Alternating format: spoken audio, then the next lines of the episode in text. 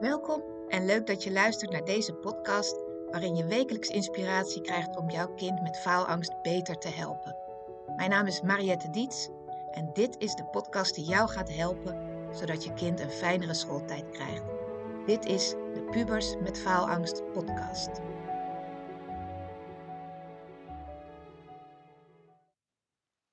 Hey, hier is Mariette weer met een nieuwe podcast over pubers met faalangst. Vandaag wil ik het hebben over de vormen van hulp die er mogelijk zijn voor kinderen met faalangst. En niet om je naar binnen te lokken met een verkooppraatje, maar meer om je een idee te geven wat er allemaal is, zodat je misschien kan denken, ja, dat kan ik in ieder geval eerst zelf proberen met mijn kind. Ehm, soms in, in mijn praktijk worden kinderen, ik denk wel drie, vier per week aangemeld met een beschrijving van mijn kind heeft faalangst. Kan je mijn kind helpen met faalangst? Soms zijn het zelfs kinderen van negen. En ik, ik heb het al eerder in de podcast gezegd. Ik vind het ook wel dat we voorzichtig moeten zijn met het noemen van faalangst. Want het bevriest een beetje het probleem. En het is veel helpender om te onderzoeken waar heeft je kind moeite mee en wat moet je kind dan nog leren. Dus hou dat sowieso in je achterhoofd. Ik heb wel eens een aanmelding van een meisje van negen gekregen. En daar had de juf al vanaf groep vier gezegd, ze heeft faalangst. En ik hoor het zelfs wel eens van kleuters. En pas daar gewoon mee op, want ook al doet het je denken aan faalangst, het helpt gewoon niet om dat woordje aan een kind te koppelen. Blijf het kind zien als een, een, een mens in wording. Het is natuurlijk al een mens, maar het verandert. Het leert, het leert door ervaringen, het leert door ontmoetingen met volwassenen, met andere kinderen. Maar dat even terzijde. Nu even over wat, wat ik dan in mijn praktijk doe. Als iemand wordt aangemeld met faalangst. En laat ik dan iemand nemen van de middelbare schoolleeftijd. Dan ben ik eigenlijk al benieuwd sinds wanneer het speelt. Om te kijken of er een bepaalde oorzaak is. En dat kan een opmerking van iemand zijn. Ik heb bijvoorbeeld wel eens een meisje gehad, uh, die had bij de profielkeuze, in, de, in 3 VWO moest ze kiezen een profiel, had haar mentor gezegd, dat was de docent wiskunde, jij, jij kunt geen wiskunde B, dat moet jij maar niet doen.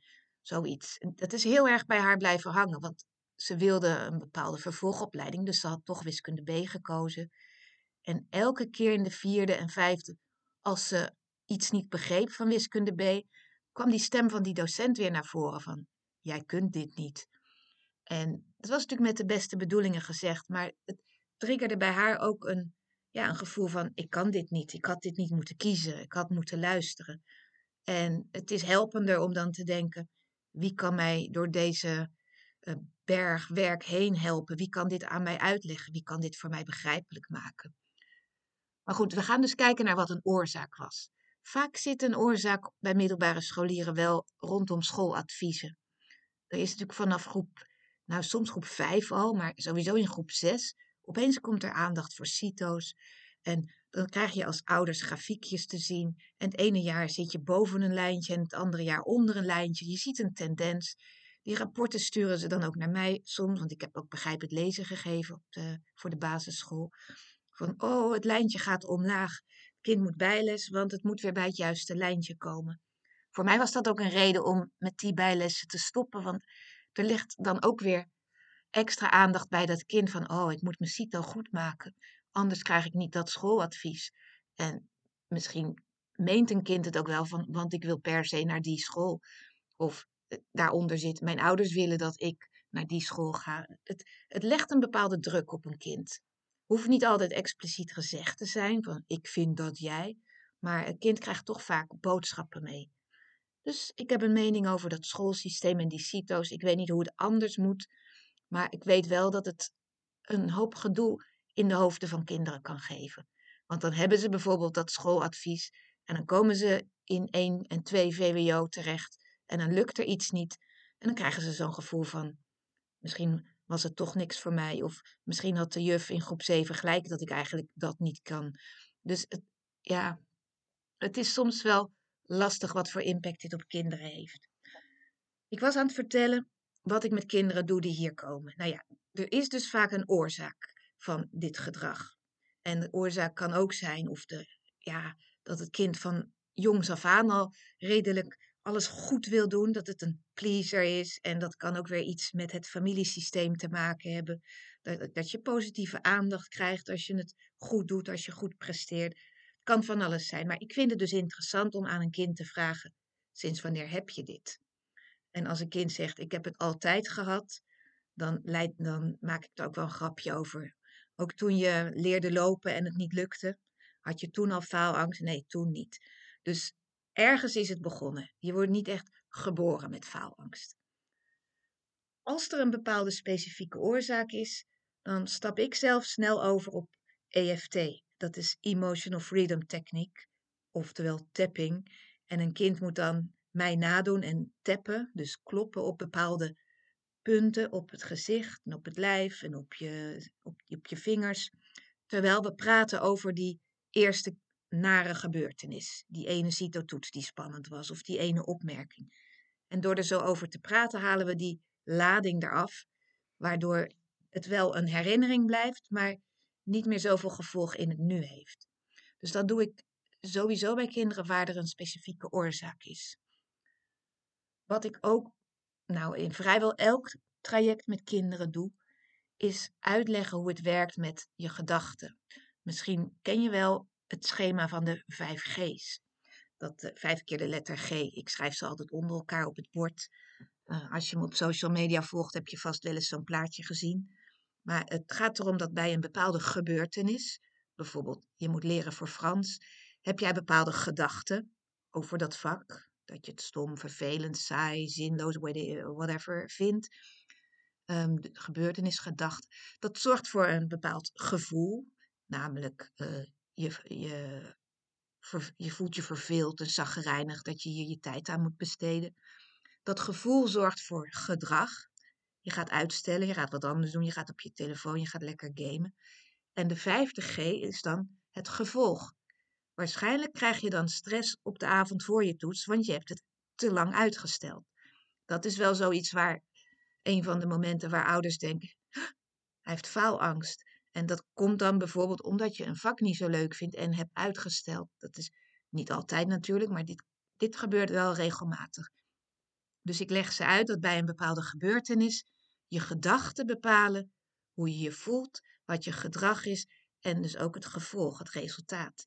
En dan gaan we kijken, wat zijn dan meer helpende gedachten? Welke gedachten zou je wel aan het werk zetten voor Frans? Nou, dat kunnen ze best wel benoemen en anders help ik ze er wel mee. En dat kan jij dus ook doen met je kind. Van welke gedachte helpt wel? Nou, bijvoorbeeld, ik wil dit jaar wel over. Of ik wil een voldoende halen. Of uh, ik wil trots op mezelf kunnen zijn. Of als ik deze woordjes kan, mag ik even een filmpje kijken. Je kan dus allerlei zinnetjes en gedachten bedenken die helpend zijn. Het is niet zozeer negatief versus positief, maar meer niet helpend. Niet helpend is, het is saai, ik heb er niks aan, wat moet ik ermee? En helpend is, ik, ja, er zit voor mij een winst aan als ik dit doe. Al is die winst misschien, dan ben ik van het gezeur van mijn ouders af. Of dan heeft mijn docent een, een uh, goed beeld van mij. Dat vinden ze soms ook wel belangrijk. Dus ik help kinderen altijd met het zoeken naar welke gedachten zet jou wel aan het werk. Welke gedachten maken dat je toch doorgaat als je blokkeert bij een toets. Want die vijf G's, dus dat rijtje wat ik net opnoemde, dat is eigenlijk ook wat bij een blackout gebeurt. Als jouw kind wel eens een blackout in de klas heeft. Ja, het is net van, oh, hij heeft een blaadje voor zich, hij weet niks meer. Maar ondertussen is er al heel veel in dat hoofd gebeurd. En dat gaan we dan ontleden. Dus bijvoorbeeld, wat, um, je weet de eerste vraag niet bij een toets. Wat denk je dan als eerste? Nou, veel kinderen die last van blackouts hebben, die denken: dit gaat niks meer worden. Dit wordt een onvoldoende. Ik ben alles vergeten. Uh, ik ga niet over, ik kan niet bij mijn vrienden in de klas blijven. Mijn ouders zullen niet tevreden zijn. Ze gaan helemaal in een negatieve gedachtenspiraal zitten. Die zorgt ervoor dat je paniek voelt, dat je angst voelt. Dat zorgt ervoor dat je lijf verlamt. Dat zorgt er weer voor dat je niet kan nadenken. Dus het heeft allemaal met elkaar te maken, want dat maakt weer dat je dus alles vergeten bent en een blackout krijgt. En die kinderen moeten dus ook leren welke helpende gedachten heb je om jezelf gerust te stellen. En die kun je misschien zelf ook wel helpen invullen. Stel, je weet vraag 1 niet, welke gedachte helpt je dan om door te gaan? Nou, dan is dat natuurlijk, ik sla deze even over. Of je kan denken, uh, het schiet me straks wel weer te binnen. Want hoe vaak gebeurt het niet dat je verder bent met een toets en bij vraag 7 weet je opeens weer wat je bij 1 moest invullen. Gewoon omdat het een bepaald deurtje in je hoofd weer opent. Als je heel erg paniekerig gaat zoeken naar een antwoord, kan je daar niet bij. Maar als je jezelf rustig krijgt, door gewoon rustig door te gaan, door te, tegen jezelf te zeggen, ehm, als het een onvoldoende wordt, haal ik het wel weer op. Of ik doe gewoon mijn best. Of thuis wist ik het wel, het schiet me zo wel weer te binnen. Dat soort zinnetjes zijn dan helpend. En als je daar meer mee oefent, zul je minder snel een blackout krijgen. En dan zul je toch een redelijk cijfer voor deze toets kunnen halen. Ook al wist je misschien één of twee of drie vragen niet. Dus ik leer kinderen met dat 5G-schema vooral welke kant kies je. Het is niet zo dat de, dat de niet helpende gedachten fout zijn of dat ze niet waar zijn. Want bijvoorbeeld, ik kan niet zeggen Frans is saai, oh daar maken we van Frans is leuk. Zo, dat heeft geen zin, dat klopt dan niet. Maar van Frans is saai kan je ook maken. Ehm, voor Frans moet ik extra mijn best doen om een goed cijfer te halen. Of voor Frans ehm, kost het me moeite om mijn aandacht erbij te houden. Maar dan buig je het om naar een zin waardoor je uh, ja, meer in de stemming komt om te leren. Twee dingen heb ik nu genoemd die ik met kinderen in de praktijk doe. Het eerste is EFT, als er een duidelijke oorzaak is. Dat tweede is die 5G, dat schema, gedachte, heeft uiteindelijk invloed op het gevolg, op het resultaat. Nou, waar ik ten derde heel erg naar kijk bij kinderen is, wat doe je nou eigenlijk? Vooral die kinderen die uh, gestrest zijn um, over toetsen, over voldoendes. En dan zeggen ze, ik heb heel hard geleerd en ik had toch een 4 of een 3. En zo worden ze ook door hun moeder aangemeld. Ze zit de hele dag op de kamer te leren en toch haalt ze een 3 of een 4. Dan vraag ik, wat doe je dan? Wat heb je de hele dag gedaan op je kamer? Hoe leer je dan?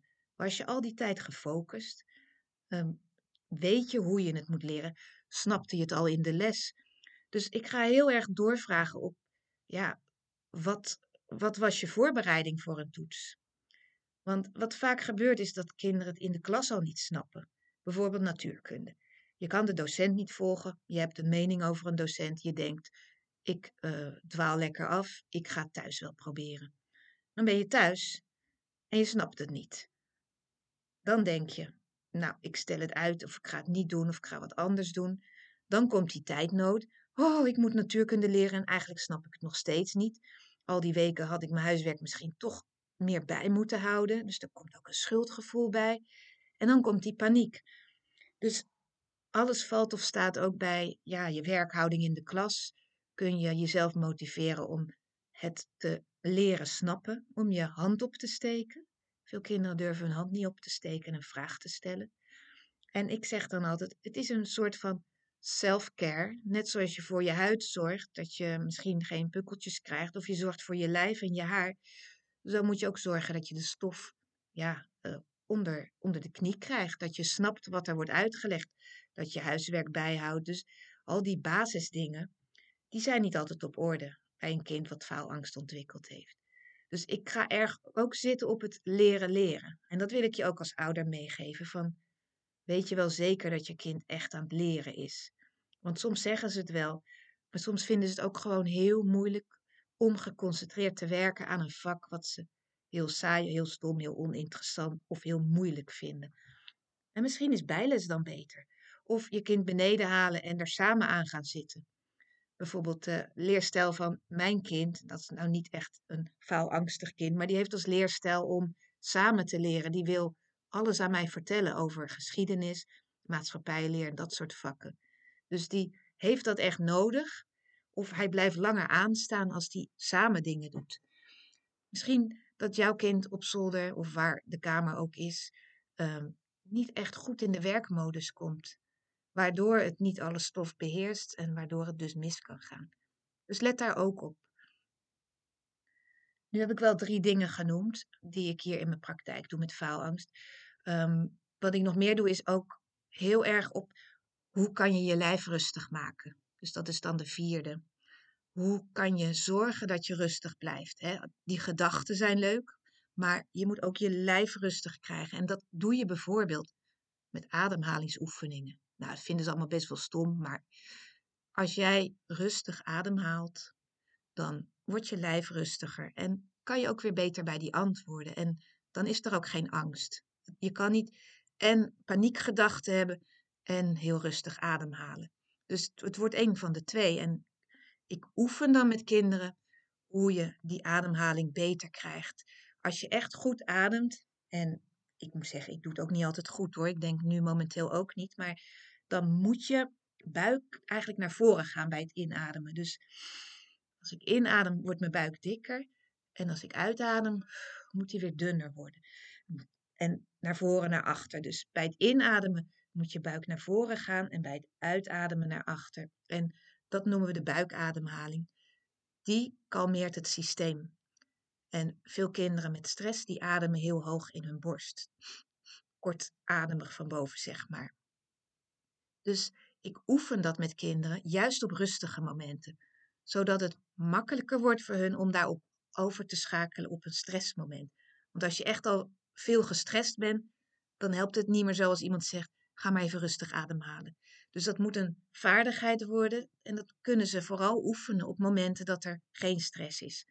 Van leg eens je hand op je buik en als je inademt, gaat hij dan naar voren of naar achter. En hij moet dus eigenlijk naar voren gaan. Dus dat, ik oefen nog wel meer dingen met kinderen om hun lijf rustig te krijgen. Ademhaling is er één van. Ik doe ook wel dingen met hypnose. En dat is dat een kind in een ontspanning gaat en dat ik op een bepaalde manier tegen praat, zodat ze ook op een diepere laag die ontspanning voelen. Maar ik kan daar ga ik nu in deze podcast niet over verder, want dat is niet iets wat je thuis even na kunt doen. Ik denk dat als je als ouders je kind goed wil helpen en voordat je zelf begeleiding zoekt, dat het belangrijk is dat je goed kijkt van is er een bepaalde eerste oorzaak? Heb je zelf misschien een bepaalde indruk gegeven of heeft een kind een keer iets gehoord van een docent of van andere leerlingen, waardoor het uh, negatief over zichzelf is gaan denken? Of um, heeft je kind de basis nog niet zo goed op orde van het leerproces? Is je kind erg met negatieve gedachten bezig? Ik denk dat je daar thuis als ouders al heel veel winst in kan maken als je daar wat meer over gaat praten.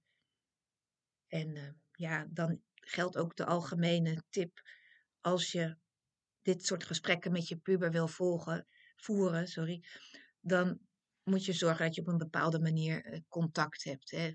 Dus zoek eerst aansluiting bij je kind. Puff even mee. Als je kind overstuur is, ga er even bij zitten. Um, als je kind geen tijd heeft, ga dan niet met dit soort dingen komen. Of als je kind geen zin heeft. Dus het is even aftasten wat een goed moment is. Maar het, loont zeker wel de moeite om een, stapje dieper te kijken van wat maakt nou dat je aan het einde zoveel stress kan voelen. Nou, in de volgende podcast wil ik met een, um, een voorbeeld van een hypnose, het is eigenlijk gewoon een visualisatie, uh, je leren om rustig in je lijf te worden. Dus dat ga, ik in de volgende podcast doen en die kan je dan voor jezelf gebruiken als je een keer druk of gestrest voelt. Maar die is ook handig voor je kind. Voor nu ben ik aan het eind gekomen en uh, tot de volgende keer. Bedankt voor het luisteren naar de Pubers met Faalangst podcast. Wil je met mij sparren over jullie situatie? Dan kun je altijd een gratis kennismakingsgesprek inplannen via www.dietscoaching.nl. Vond je deze podcast interessant? Abonneer je dan en geef hem een goede review. Dat helpt mij enorm om nog meer ouders te bereiken.